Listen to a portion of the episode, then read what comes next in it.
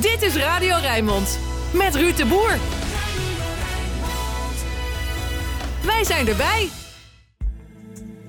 Welkom bij de verdieping. Exact 20 jaar geleden, op 6 mei 2002, even na 6 uur, werd Pim Fortuyn doodgeschoten op het Mediapark in Hilversum door Volkert van der G.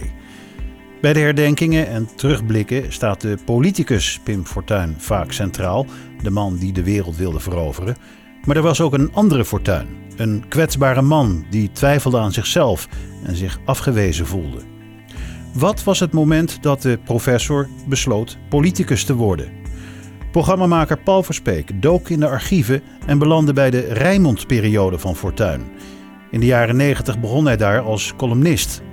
Zijn eerste mediaoptredens zouden grote gevolgen hebben voor hemzelf en de Nederlandse politiek. In de verdieping, de jonge Fortuyn.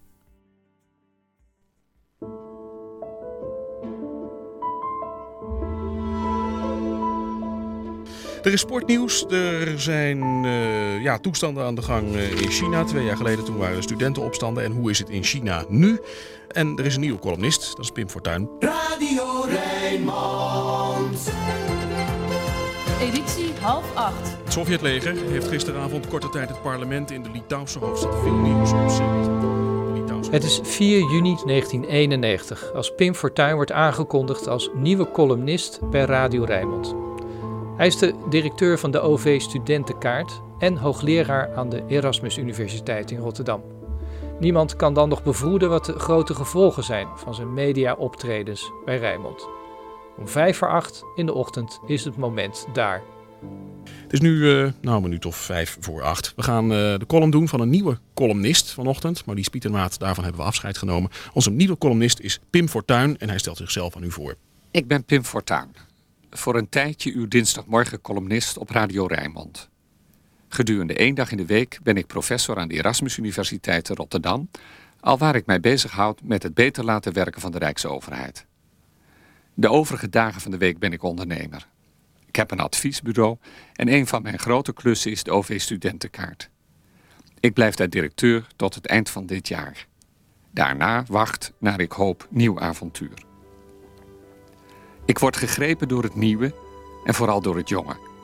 Dat wekt mijn nieuwsgierigheid. Alle mogelijkheden liggen nog open en wat zou eruit komen?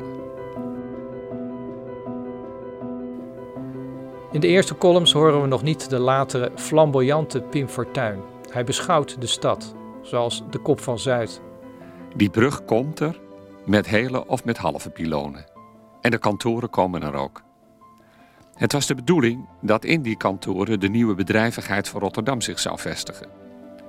Vooralsnog zal het werktafel worden van almaar uitdijende overheden.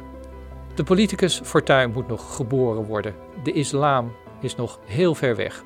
De professor heeft andere stokpaardjes, als het onhoudbare stelsel van sociale zekerheid en de liberalisering van de arbeidsmarkt. Daarom moet er een Europese tarievenpolitiek komen die ervoor zorgt dat de directe en indirecte overheidssubsidies in een periode van vijf jaar geheel verdwijnen. Opdat daarna de markt weer volledig zijn werk kan doen. De beste zal dan zegevieren en de gemeenschap draait dan niet langer op voor de kosten om enkel en alleen de grootste te mogen zijn. In die tijd ben ik zelf een jonge bureauredacteur die regelmatig columns opneemt met Fortuin. Hij parkeert dan zijn MG Cabrio op de stoep van het radiopand Bonne trotserend. Het is geen favoriete klus onder de collega's. Waar je op dat moment ook mee bezig was, je moest van Fortuin direct klaarstaan. En kritiek dat de column bijvoorbeeld te lang was, dulde hij niet. Maar ach, Hoofdredacteur Nico Haasbroek zou het wel goed hebben gezien. Die had altijd een neus voor originele, spraakmakende types. Nu, 30 jaar later, vraag ik hem waarom hij Pim Fortuyn destijds binnenhaalde. Als hoofdredacteur vond ik het leuk als we medewerkers hadden gespreid over het centgebied. Maar toen las ik dus dat hij op Zuid woonde en toen dacht ik, dat is raar, een professor aan de Erasmus die op Zuid woont. De meeste professoren wonen nog niet eens in Rotterdam. Want die hebben iets tegen Rotterdam. Maar je moest wel weten waar je het over zou gaan hebben. Bedoel, het is niet alleen de... Goh, hij woont op Zuid en het is een hoogleraar, maar ook inhoudelijk? Of Nee, maar nog- ik bedoel, in dat gesprek eh, ging het gelijk over van alles en nog Ja, ja. niks. En, eh, en hij, hij, ja, zijn stem en zijn, ja, zijn hele toon. En dacht ik, van dat werkt als columnist, weet ja, je wel. ja. Nou, zo is dat contact. eh, en dat leidde gelijk tot een soort vriendschap. Oké. En daar, daar hoort bij dat eh, voor mij, als je naar mijn vrienden kijkt, dan ja, ga ik daar ook journalistiek mee om. Ik heb niet een vriend nodig eh, die het met me eens is of zo. Ik vind juist leuk vrienden die diametraal anders denken dan ik, waarmee ik kan lachen. Ja, ze moeten een beetje slim zijn, een beetje zelfspot hebben en zo. Nou, dat had Pim allemaal wel. En Ja. eh, valse nicht, nou ja, alle, alle elementen eh, die het leuk maken om met zo'n man van mening te verschillen. eh, en die voor een columnist natuurlijk prima zijn. Ja, die, die trof ik bij hem aan. Dus ik was blij. Ik had toen mijn kantoor op de bovenste verdieping, het penthouse heette dat, van het oude schroevenspand in de, eh, op de Matenesselaan, waar, waar eh, Adrie Rijmond een tijdje zat. En ehm, daar kwam hij graag. En ehm, daar hadden we ook een, een bank staan, want we hadden het een beetje ingericht als een huiskamer. Er was een keukentje bij, want het was een oud penthouse, weet je wel. En een roze bureau voor de secretaresse, voor Ilse. Daar ging hij vaak, smiddags kwam hij langs en dan ging hij op die bank een tukkie doen gewoon. Ja, ja? dus wij, wij waren dan gewoon bezig met notulen en met vergaderen en zo. En dan lag hij daar gewoon. Dus hij voelde zich daar op een of andere manier op zijn gemak. Ja, ik heb dus eigenlijk een beetje zijn gang naar de journalistiek op me geweten. Maar niet anders dan dat ik hem eh, probeerde te stimuleren en, eh, en zei, er moet een kop en een staart aan zitten. En, eh, en ga je gang. En, dus er was niet zoveel voor nodig, want hij had natuurlijk zelf behoorlijk wat, bagage inhoudelijk. en hij vond het ook leuk. De columns worden allengs uitgesprokener en politieker. En Pim Fortuyn gaat meer doen voor Radio Rijnmond. Zoals het dagelijkse belprogramma presenteren als de vaste man, Erik Post, met vakantie is. Postvakantie. Vakantie. Vakantie. Vakantie.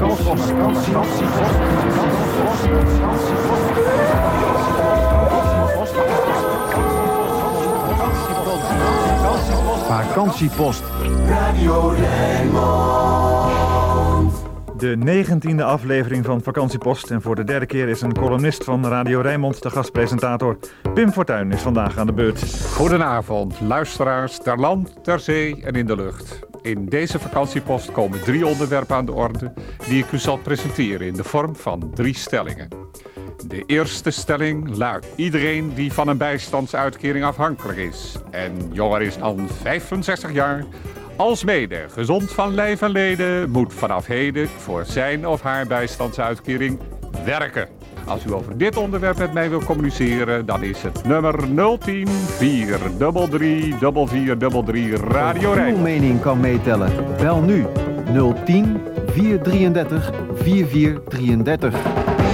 Mevrouw van Kranendonk Ja, goedenavond, daar uit spreekt u mee.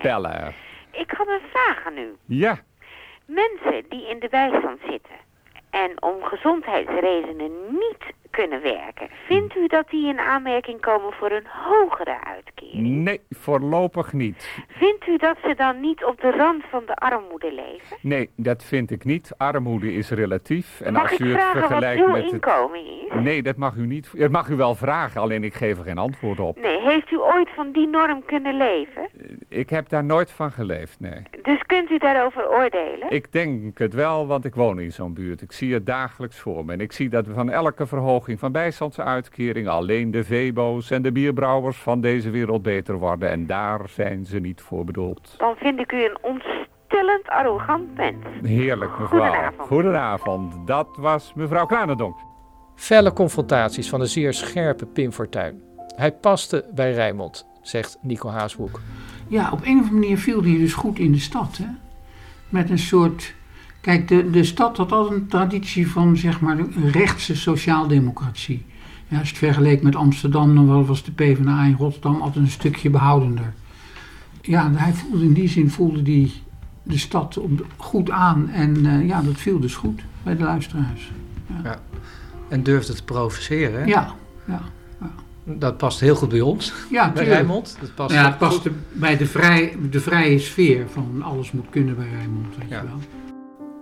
Bellen met Pim, het wordt een doorslaand succes op Radio Rijnmond. En dus blijft het niet bij die ene keer. Bij professor Dr. Wilhelmus SP Fortuyn, beter bekend als Pim Fortuyn, stond zelfs een uur na de uitzending de telefoon hier nog roodgloeiend. En dus zit hij hier vanavond opnieuw. Pim Fortuyn, Dank u wel. Vandaag gaan we het hebben over drie zaken die met elkaar samenhangen. Mijn eerste onderwerp valt heel kort samen te vatten onder het motto Peper rot op. Ieder van u kent wel anekdotes over zijn optreden in deze stad. Dus een slechte burgemeester. Ik heb daar vaak in mijn eh, columns aandacht over eh, aan besteed. Ik wil u oproepen peper rot op en dat op een ansichtkaart te zetten en te sturen naar het stadhuis Koolsingel Rotterdam. Theo Seidhof uit Mijnsherenland. Kom er in de uitzending. Ja, hij komt natuurlijk uiteindelijk uit Rotterdam. De Theo Seidhoff. En die vindt eigenlijk helemaal niet dat peper op moet rotten. Ga eens uitleggen waarom vind ik niet. een beetje innerlijke beschaving. Wat jij natuurlijk in, toch wel geleerd moet hebben op onze kosten toen je studeerde. Vind ik ook niet weg. Eh, ik denk ik, misschien beter dat je zelf eh, naar het hoge noorden of verre zuiden vertrekt. Want ik vind het een opmerking. Ik heb de laatste tijd, eh het laatste jaar ervaring met peper gehad. Die is duidelijk veranderd. Hij is verbeterd. Hij is gewoon goed. Zeg maar, nou twee eh, opmerkingen. Ik vind dus dat je niet ingaat op de kritiek die net gegeven is, maar dat is jouw zaak. Hoe Jij gaat dus... hey, ho, ho, ho, Jij wacht ho, nou even, jij bent zo weer aan de beurt, Theo. Eh, jij gaat dus dat comité leiden, Peper moet blijven. En je gaat het comité eh, leiden, Fortuin rot op. En dat kan Nou, ook weer ja. via ansichtkaarten. Die stuur je gewoon naar Radio Rijnmond Rotterdam. Dat komt altijd eerste zou aan. ik zeker doen. Ja. De tweede niet, want het rot op, dat vind ik een term die gebruiken we niet. Maar Nou, paper, dan. for president, paper for president vind ik uitstekend. Ja, en wat, wat, zou jij dan willen wat jij zeggen? dan doet, professor Lupardi? Ja. Want je hebt al van die schitterende plannen, maar ik word daar weinig wijzer van. Ja. Maar Wat je moet doen, je moet morgen je open sportwagentje, die achtste sportwagen even op het koetshuis zetten voor het trein. Dus door dikke mee vol met roze cement. Goedenavond, dag. Dat was Theo Seidhoff. Ik geloof dat we nu toe zijn aan het nieuws. En de reclame, ja. Niet alleen de critici melden zich gretig bij de telefonisten van Radio Rijnmond. Ook de fans, de mensen die zich in hem herkennen. zeg maar, ik volg u. Ja. En ik heb u ook wel eens, zeg maar, eh, in zalen meegemaakt en zo. Ehm, is het geen tijd dat ook mensen die organisatieadvieswerk doen... eh, zelf wat meer, zeg maar, in zicht komen. Dus de leiding nemen van iets. Ik zou het graag willen, mevrouw, maar ons soort mensen in Nederland Oh, gruwt, ja. gruwt alleen al van de gedachte dat ik dat zou doen. Ja, ja. Ja, is dat, zo? Ja, dat is zo. Daar mag u wel van uitgaan, ja. ja. Maar mijn tijd komt nog, daar ben ik van overtuigd. Want het gaat wel veranderen in eh, dit land. Nou, dat lijkt me echt heel zinvol. Succes. Dag mevrouw Mol. Dag. Bij Radio Rijnmond is begin jaren 90 te zien hoe Pim Fortuyn ontluikt. Van de professor naar de provocateur naar de politicus. Haasbroek daarover. Wat over de politiek, dat het daar vaak over ging, daar merkte ik aan dat hij, eh, dat hij heel graag serieus genomen wilde worden. Door de hij, hij vond dat interessant en hij wilde, het kon hem eigenlijk niet zo schelen of hij nou bij het CDA of bij de PvdA of de VVD. Hij is allemaal langs gegaan, die partijen. Hij werd ook allemaal eigenlijk afgewezen. En werd hij dus eigenlijk steeds kwader. En daar hadden we het ook wel in gesprekken over. Dat hij zei van ja, als ze me niet doen, begin ik er zelf eh, mee. Nou, dat heeft hij dus ook gedaan. En het leuke is dat dat parallel liep met die, met die journalistieke periode bij Radio Rijnmond. Want hij ging ook in de verkiezingstijd ging hij de Pim Fortuyn Show doen. En dat was hartstikke leuk. En dat, dat organiseerde de productie, deed mijn vrouw, Mieke van der Linden. Ja, die maakte daar gewoon een spektakel van in Studio Gloria, vol met Rotterdammers. En met, eh, met beschrijvingen van het uiterlijk van de gast. En, eh, en dan wilde hij gewoon de kopstukken hebben, voor zover ze dat wilde of durfde. Maar eh, ja, hij heeft, hij heel wat gehad. De Pim Fortuyn Show. Een programma met daarin de belangrijkste politici van Nederland. Vanavond Eelco Brinkman.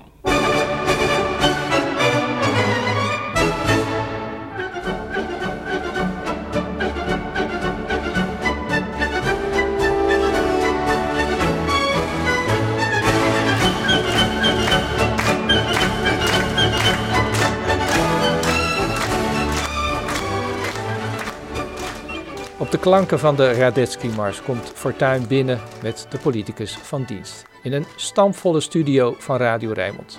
Op geheel eigen wijze geïntroduceerd door Hans van den Nemster.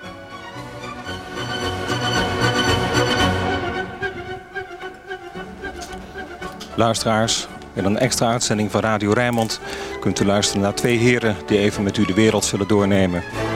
De heren Fortuyn en Brinkman hebben zich zojuist verplaatst naar de studio Gloria van Radio Rijnmond. Zojuist hebben ze even een bodempje gelegd, maar nu moeten er toch spijkers met koppen worden geslagen lijkt me. De zaal is stampvol mensen die rijkhalsend uitzien naar erudite uiteenzettingen. Meneer Fortuyn is gekleed in een onberispelijke donkerblauwe tailleur met een licht streepje. Het jasje is extra lang, zodat op een geraffineerde wijze de slanke heupen uiterst flatteus uitkomen. Het geheel wordt gecompleteerd met een paar klassieke Engelse schoenen. Er zit wat grove gespop. Die lijkt me wat detoneert met de verder uiterst elegante snit van het geheel. Al met al kan worden gesproken van een modische outfit met een prettige mafioso-uitstraling. In de uitzendingen komen de problemen van de grote stad onopgesmukt op tafel. Fortuyn geeft ruimte aan de interrupties. Wij wonen in een wijk die barstensvol is van buitenlanders. En dat is nog geen probleem, maar misschien morgen. En een asielzoekersboot die eventjes hup, de haven in komt varen. Hey, maar de criminaliteit die daaruit voorkomt, daar balen wij van. Meneer Brinkman. Nou, ik, ik probeerde net al over te brengen dat ik begrip heb voor mensen die uh, in een wijk wonen waar ze al moeite hebben om aan een baan te komen. Of waar ze zelf of hun kinderen al heel lang op de wachtlijst staan en, en maar niet aan een andere woning komen. Of, of helemaal niet aan een woning komen. Dus ik vind dat dat argumenten zijn die we mee moeten uh, nemen in, in de beschouwing. Maar laten we uh, elkaar ook in die zin willen verstaan dat wij vinden vanuit onze politieke beweging dat de regering het hier en daar wat serieuzer moet nemen met de controle. Dat ben ik met u eens. Maar ik heb nog nooit, uh, waar die meneer nou net over praat, over die schepen... die heb ik nog nooit gezien bij de mensen waar u woont. Dat wil ik nou eens gewoon eens even vragen. Ik, ik heb zelf jaren in Kralingen gewerkt. Ik heb overal in Ischibroek en al die wijken, maar daar zie je ze niet. En dat wil ik gewoon nou eens aan u vragen of u ze dan eens een beetje kan verdelen.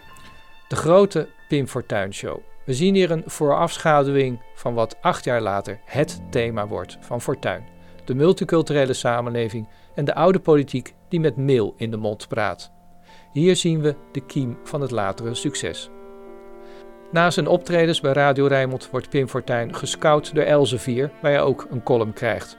Fortuyn en Haasbroek verlaten het radiostation, maar ontmoeten elkaar regelmatig dan in het Palazzo di Pietro aan het GW Burgerplein in Rotterdam.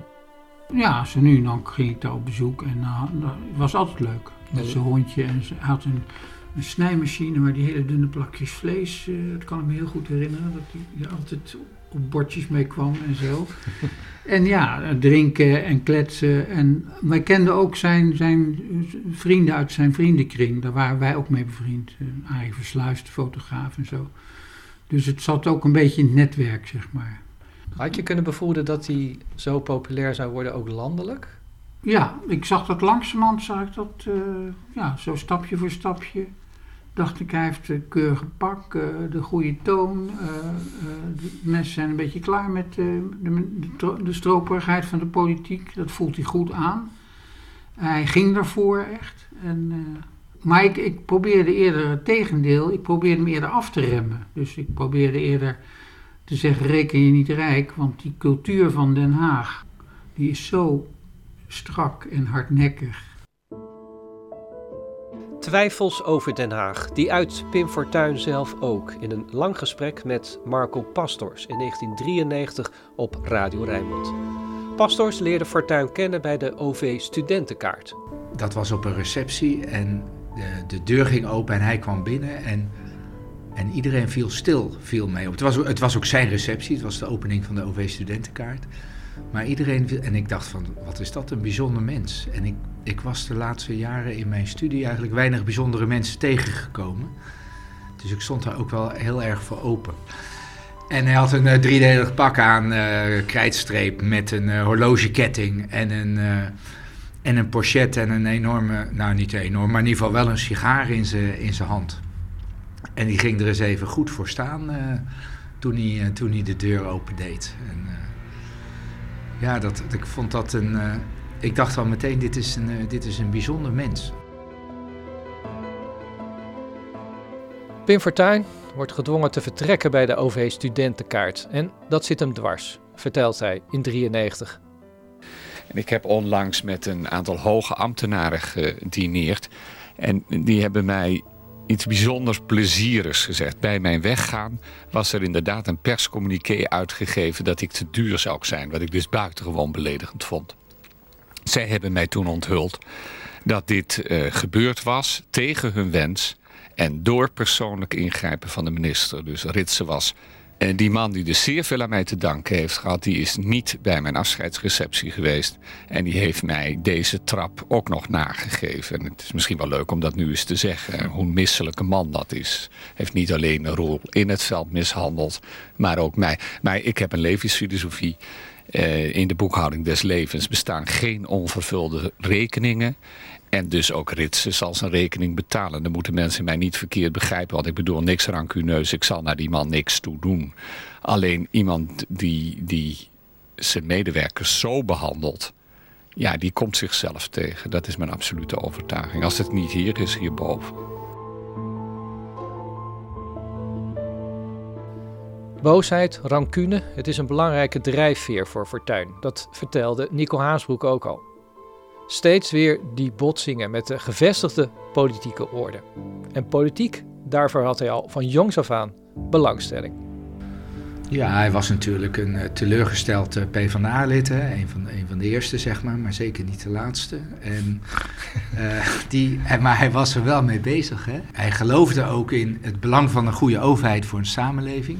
En ook in ja, zo'n OV-studentenkaart. Uh, ook de manier waarop dat was georganiseerd als een goed voorbeeld van hoe het verder zou uh, moeten. En hij was eigenlijk veel meer daarmee bezig. Hè? Dus niet zozeer met, met, de, met de politieke top, met de volksvertegenwoordiging. Veel meer met hoe organiseer je dat nou uh, beter. Ja, maar niet het land besturen of uh, volksvertegenwoordiger. Of, uh, nee, nee, nee. nee, nee terwijl hij zich er wel over uitliet. Hij ja. zei wat Lubbers allemaal fout deed, wat Peper in Rotterdam allemaal fout deed. Dus hij had wel een duidelijke mening. Ja, had wel een duidelijke mening. Maar ik denk dat hij dat niet echt voor zich zag op dat moment. ja, hoe dan, hè, zou je tegenwoordig zeggen.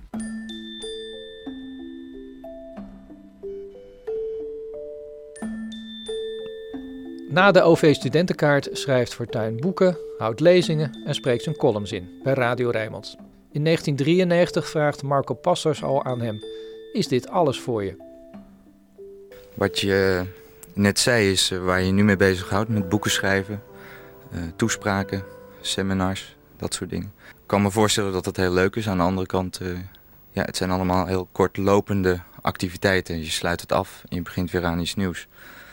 Uh, zijn er nou dingen die je uh, de komende tijd op je agenda hebt staan... waarvan je zegt van nou, dat ben ik echt aan het opbouwen? Kijk, wat het vooral is, het is natuurlijk uh, zeg maar intellectueel... maar ook emotioneel heel bevredigend om dit soort dingen te doen. Wat ik wel mis, dat is dat het een heel eenzame weg is die ik aan het gaan ben. Je werkt niet of nauwelijks met mensen. Ik, als ik een zaal binnenkom om een toespraak te houden. Dan hou ik die toespraak daar. Dat doe je professioneel. Dat doe je zo goed mogelijk. Je wil, uh, je wil dat die mensen naar je luisteren. Maar daarna dan ga je weer. En dat gaat dag in, dag uit door. En, en dat is het verschil met bijvoorbeeld het leiden van zo'n bedrijf als de OV Studentenkaart. Daar werk je in een team. Uh, daar ben je de inspirator uh, van mensen. Dat heb je natuurlijk toch als je direct met mensen omgaat. Dan heb je meteen respons. En, en nou ja, dat is in dit werk niet. Uh, ik ben natuurlijk de afgelopen twee jaar heel erg veel wezen zaaien in al die akkers. En ja, mijn hoop is natuurlijk dat op een gegeven moment uh, de tijd komt om te oogsten.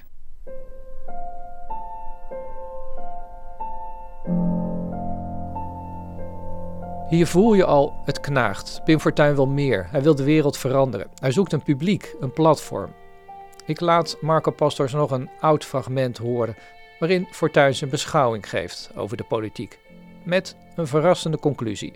De huidige politiek die wordt geteisterd door een overmaat aan pragmatisme. Vaak zelfs cynisch pragmatisme. Dus altijd maar het haalbare voorop stellen. En wat ik heel belangrijk vind in het leven is niet dat je het haalbare voorop stelt, maar het denkbare voorop stelt. Nou, dat is ook wat ik in mijn boeken probeer te doen. Ik ben, ben een, romanticus, maar dat maakt het leven ook leefbaar. Dus waar, waar, waar ik ontzettend mee bezig ben, dat is met perspectief. Ik zeg wel eens zo, van als je perspectief hebt, dan kun je de wereld aan. Mensen kunnen eindeloos de broekriem aanhalen als ze maar weten, ja, maar daar en daar gaat het naartoe.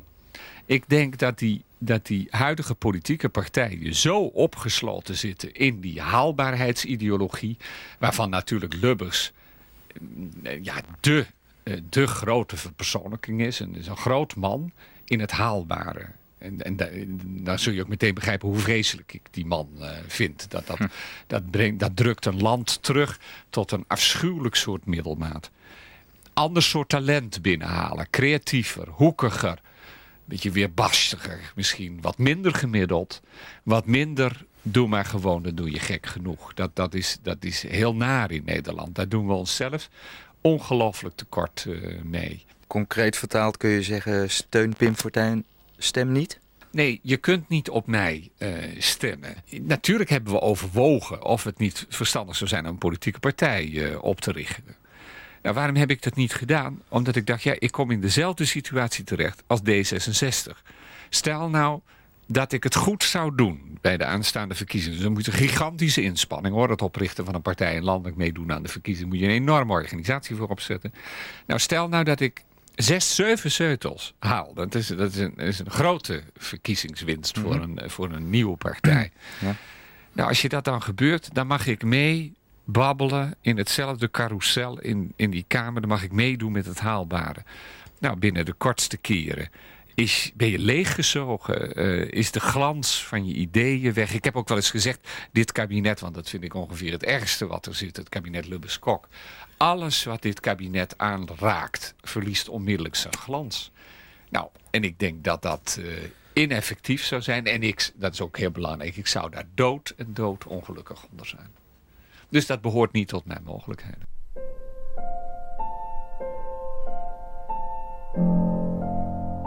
Ja, ongelooflijk hè? Ja. Ja, zo, uh, zo werd dat toen gezien. Uh, dat een politieke partij oprichten, dat is dat is heel veel werk en, en je haalt toch maar heel weinig zetels. Hè. Ja. Nou, als iemand bewezen heeft dat, het, dat, dat beide niet waar is, hè, dat je dat toch heel snel kunt doen en ook heel snel heel veel zetels kunt halen, dan ja, is de, dezelfde man. Hè. Ja. ja. Waar is de ommekeer gekomen, denk je? Dat hij dacht van ik ga het toch doen? Ik denk dat dat echt een proces is. Hè. Dus, dus in die eerste fase na die OV-kaart, op zoek naar een normale stap vooruit hè, uh, in, zijn, in zijn werk. Hè. De eerste opdracht heel goed gedaan. En dan mag je toch verwachten dat er een, uh, een vervolg komt, hè, want het, het, land kan het genoeg gebruiken. En, nou, en dat gebeurde niet. En ondertussen was hij wel heel goed bezig, hè, onder andere met, met Radio Rijnmond, waar hij waar die een vaste column had.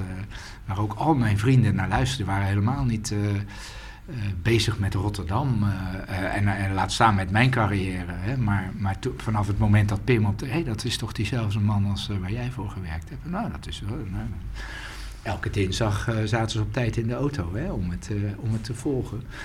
Daar is iets ontstaan. en dat heeft hij later dus ook voortgezet met columns in de Elsvier en op het einde met Harry Mens. en daar, ja, dat is op de een of andere manier wel iets wat wat hij wel heel goed kan. Uh, en wat ook heel interessant uh, is voor een, uh, voor een groot publiek.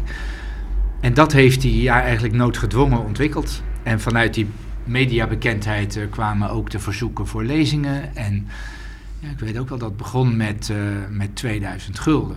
Wat we toen allebei een enorm bedrag vonden. Maar het eindigde met 10 en 15.000 gulden. Dat hij per lezing kon krijgen. Ja, dat, hij werd gewoon steeds meer gevraagd, steeds populairder. En uh, het jaar daarna verdubbelde hij zijn tarief gewoon weer. Ja. En dat, dat had, uh, dat had uh, Nederland voor hem over, om het zo maar te zeggen. Zo zei ik dat ook wel eens tegen hem. Hè? Dan zat hij te sippen en ja, ondertussen hè, mag je dit allemaal wel doen. En word je daar ook wel voor gewaardeerd. Hè? Dus het leven is niet alleen maar tegenslag.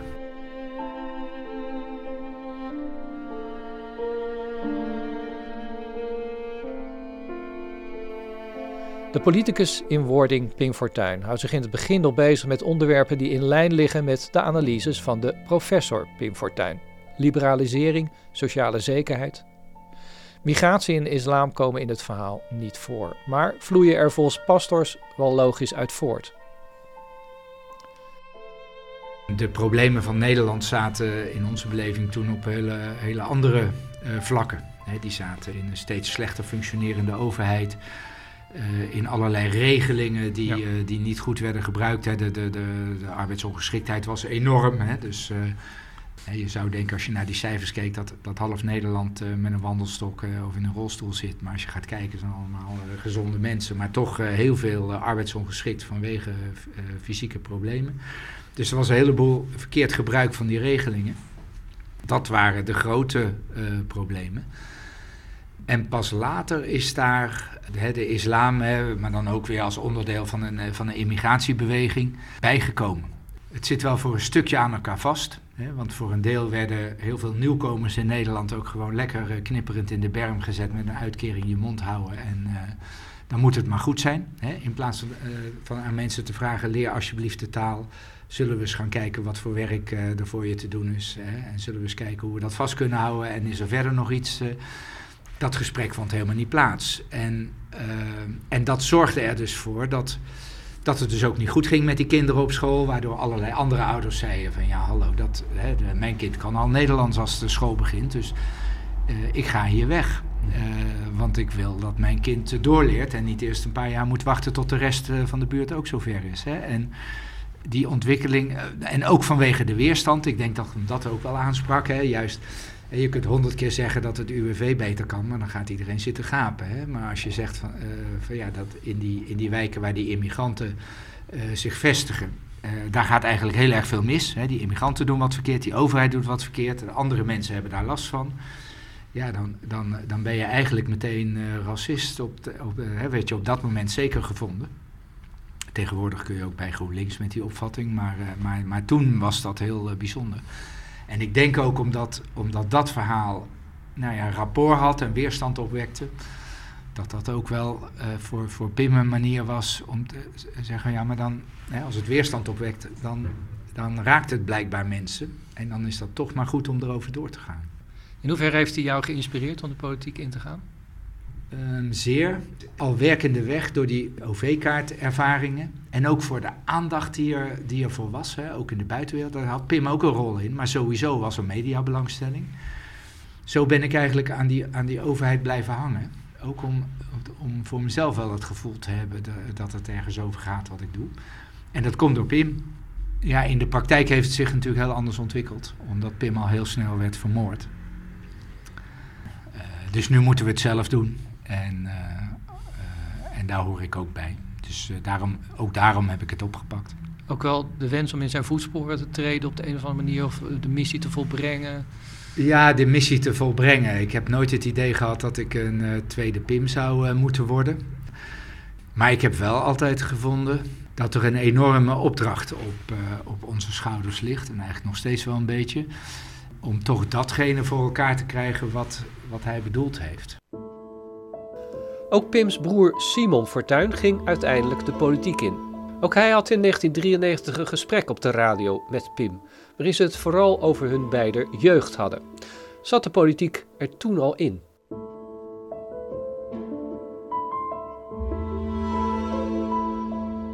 Dit wordt een persoonlijk uur, persoonlijk uur tussen Sim en Pim. En wat ik over mijn broertje wil zeggen, ik hou echt van hem.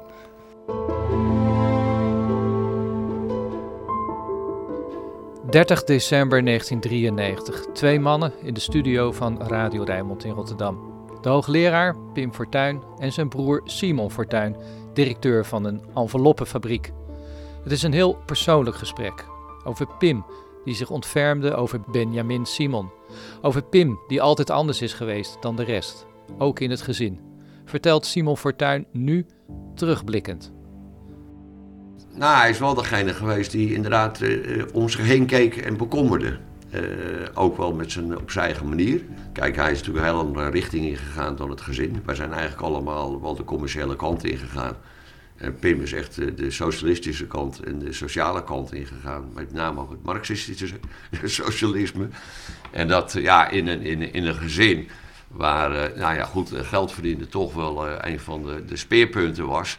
En hij vanuit de sociale gedachte altijd naar de gelijkheid en het moet genationaliseerd worden als het enigszins kan. Maar ja, die zakkenvullers die tegenover me zitten, dat is ja een beetje verderfelijk wat hier allemaal gebeurt. Zo. Dus we hadden thuis natuurlijk wel eh, grote discussies. Ja. Eh, meestal bij de verjaardagen van mijn vader en moeder. En wij waren toch wel een beetje de graaiers. Martin die was eh, werkzaam bij een grote farmaceut. Dus ja, dat waren natuurlijk de multinationals.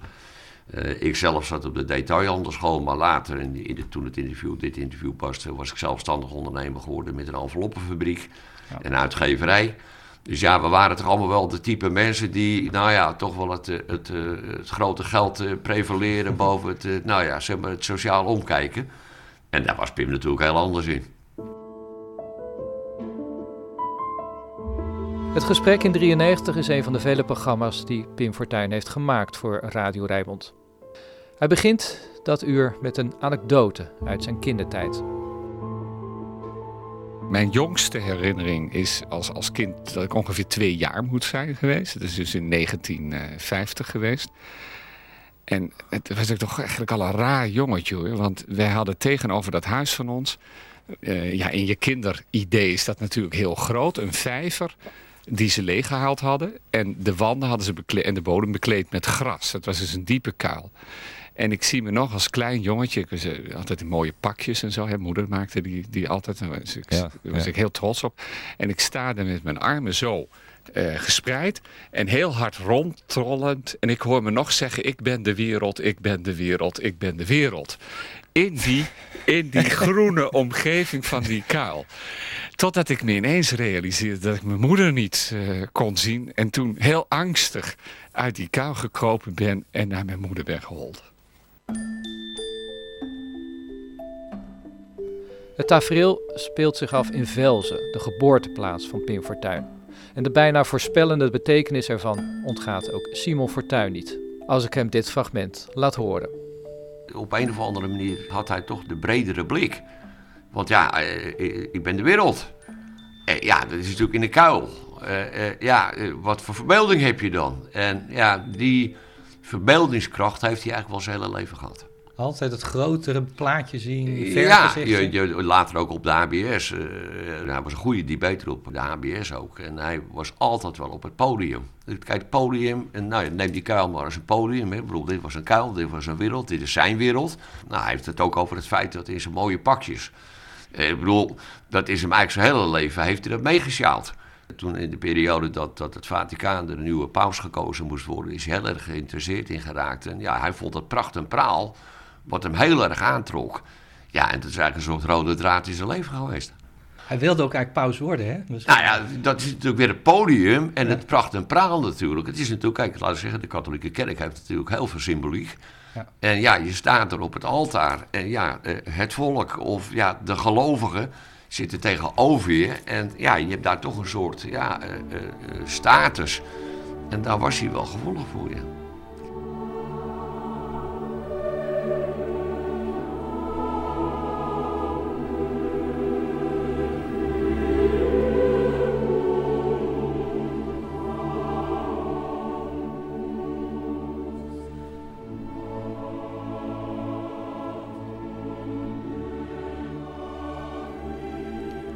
Een tweede gebeurtenis in zijn leven is evenzeer vormend geweest voor Pim Fortuyn. En ook dit speelt zich af in zijn kindertijd. En weer dringt zich dat beeld op. Hij is anders. Hij is alleen.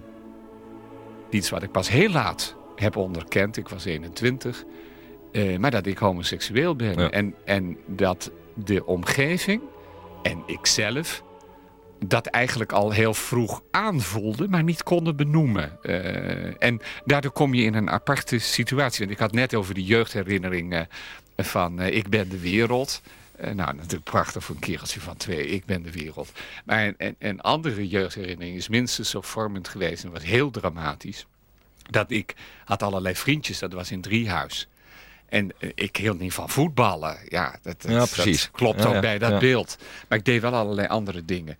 En die moeders van die vriendjes, die mochten mij niet.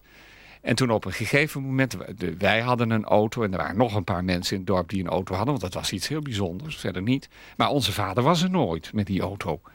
En toen, toen gingen ze een middag weg, gingen ze uit. En ik dacht dat ik ook mee mocht. Logisch dat je dat denkt.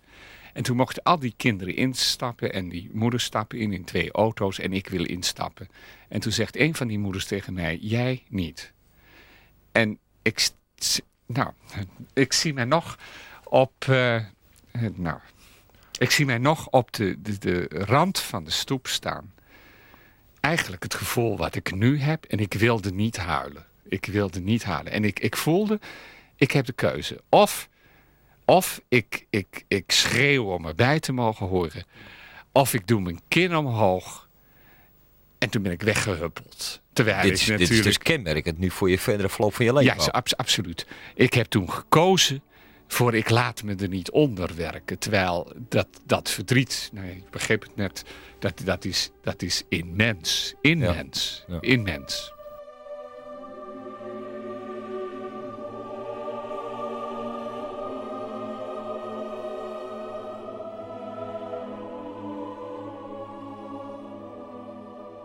Wat je heel sterk ziet, eh, ook in zijn latere leven, als Pim te dichtbij kwam, eh, dan ja, werd de deur gesloten. Ja, dat is in het politieke leven later ook veel geweest. Kijk, maar ook in zijn stu- studententijd.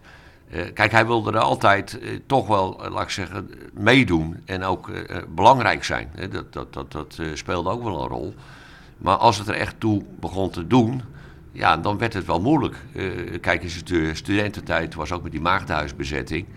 Eh, daar heeft hij heel veel energie in gestoken. En ja, dan werd hij toch eh, op het hoogste podium werd hij geweerd. Je hoort ook hoe kwetsbaar die is. Hij, hij denkt eraan terug. En nou ja, ik bedoel, de hele uur lang, hij praat als een mitrailleur. En nu valt hij eventjes toch een beetje stil als hij terugdenkt aan wat hem toen is overkomen als kind. Die emoties zitten vaker in dat gesprek dat jullie hebben gehad. Dat klopt, dat klopt. Dat kan ik me ook nog herinneren. Net zo goed in zicht. Want, eh, ja, ik hou van Simon, hè, of Ja. Sim in dit geval. Eh, het was ook een hele emotioneel gevoelige man. Eh, dat hebben veel mensen niet gezien. Maar ja, in, in heel veel momenten zie je het weer wel. Eh, en hij kon ook bikkelhard zijn.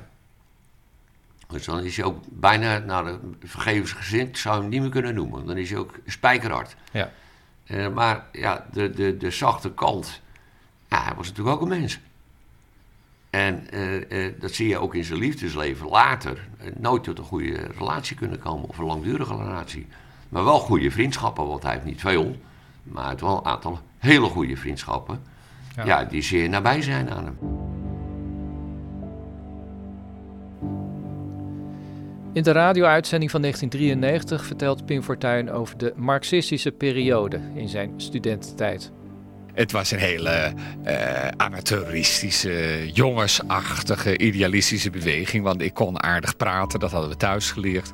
Het was één grote ontdekkingstocht. De, de, de, de academische studie was ontzettend saai. Maar de dingen die wij eromheen lazen, dat ontdekken van de kritische sociologie, van het marxisme, eh, van, van, van grote historici eh, die we lazen. En die we dan wijsneuzig eh, bespraken, besproeid met waarschijnlijk te veel jenever, et cetera. Maar dat, dat heeft een enorme vormende waarde gehad. Pas later, in het begin de jaren 70, toen ik eh, afgestudeerd was, werd het heel vervelend. Toen werd het ontzettend dogmatisch. Toen kreeg de CPN eh, met name greep op die zaak. En toen heb ik een hele fundamentele keuze gedaan. Want het was logischer geweest dat ik lid van de CPN zou zijn geworden.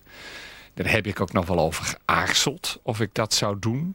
De voorman Bakker eh, toen de tijd. Ja, ja maar ze hebben mij daar een handje geholpen. eh, want ze vonden dat ik dat zeker eh, niet moest worden. En ik was het met hen eens. En toen ben ik uit armoede, want je moest toch wat, maar lid geworden van de Partij van de Arbeid. Maar dat vond ik niet veel zaaks. En eigenlijk heb ik dat nooit gevonden. Het is een verkeerde keuze geweest. Maar dat, ja, dat heeft ook iets te maken met het zoeken van je weg. Hè? Want wat wij voorgeleefd kregen thuis, dat was een zakelijk-commerciële omgeving. En waar ik naartoe ging, dat was een veel idealistischer, eh, wereldhervormender eh, idee. Dus ik moest die weg ontzettend zelf zoeken. En dan zocht je natuurlijk naar houvast. Maar een echte marxist in de zin van een dogmaticus ben ik nooit geweest. En dat is niet omdat het nu uit de mode is. Want je weet, ik schaam me niet voor wat achter mij ligt. Want het leven is een groeiproces. Maar ik ben altijd iemand geweest wat, wat men in de wetenschap noemt een eclecticus. Ik wilde zelf denken. Dus ik jat van alles bij elkaar en dan bouw ik iets zelf wat ik mooi uh, vind.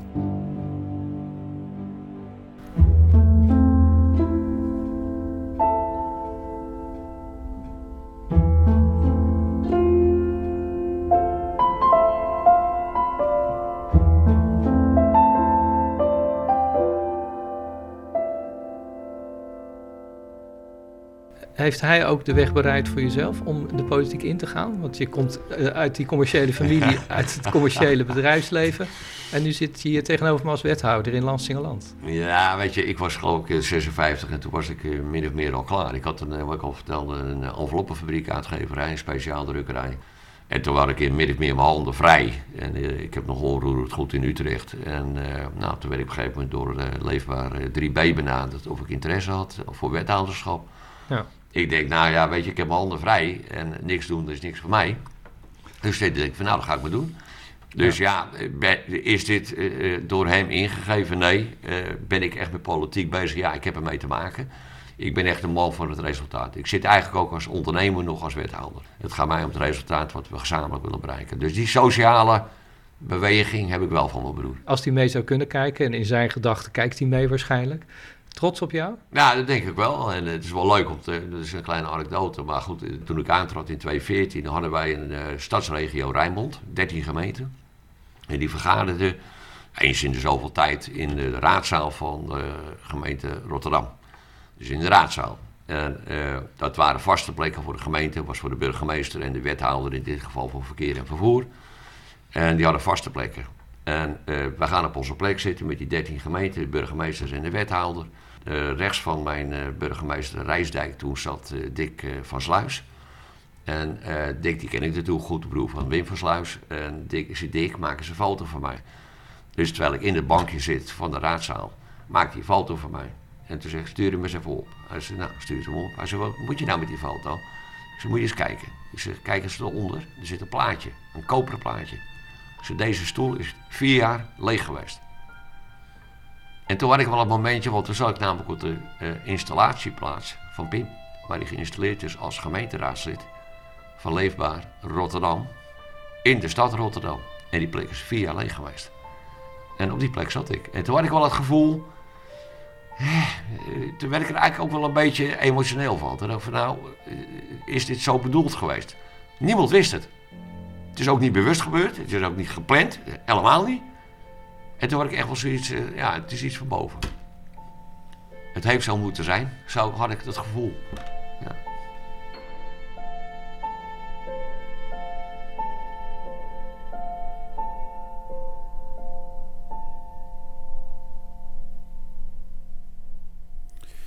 Simon Fortuyn over zijn broer Pim. Deze verdieping is samengesteld uit drie podcasts die Paul Verspeek maakte over de jonge Fortuyn. Professor, provocateur en politicus die zijn terug te luisteren via Spotify en op Rijmel.nl of in zijn geheel op het platform De Verdieping met Ruud de Boer. Dank voor het luisteren.